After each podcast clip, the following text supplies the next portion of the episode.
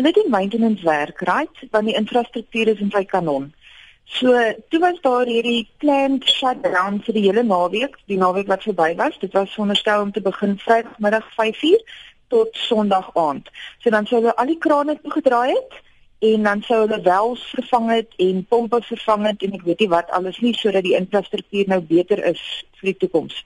Hulle het die soortgelyke ding in Julie maand gedoen en dit het sonder 'n probleem verloop. Alles is perfek, maar dit was skoolvakansie, dit is winter, so daar was nie regtig issues gewees nie. Toe waarsku hulle ons dat hulle dit gaan doen en hulle sê die mense moet voorsiening maak. Nou wat doen jy as jy voorsiening maak? Jy maak alles vol wat hol is. Want jy moet nou 'n naweek sonder water sit. En ons sit toe met die hittegolf net voor dit.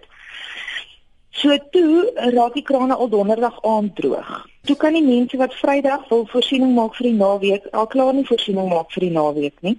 En toe is daar komplikasies by die herstelwerk en toe kry hulle eers die die water ons so dun straaltjie rou riool maandagooggend begine kry van donderdag aand af.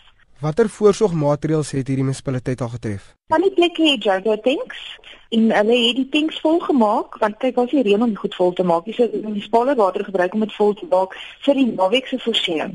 Maar die oomblik toe dit oor die naweek gaan nou dalk jou reserves te min om voorsiening te maak.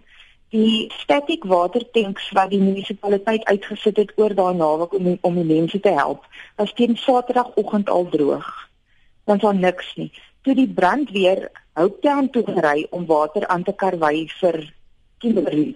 Dit is haglik regtig, die tanks is leeg, die boorgate pomp nie meer nie en wie wil in elk geval boorgatwater drink, jy gaan doodaf. Mia, jy al in kontak gekom met die munisipaliteit en wat sê hulle? Die CEO van die van Nokkie, die Noord-Kaapse Kamer van Koophandel, Sharon Stein, praat elke uur met hulle. Hulle gee geen terugvoering nie maar van die munisipaliteit en Selomatsi die spokesperson se kant af kom daar niks. Geen kommunikasie, niks. Die polisie staan 5 5 diep vanoggend by die premier se huis. So ek dink sy dalk al dreigemente begin ontvang.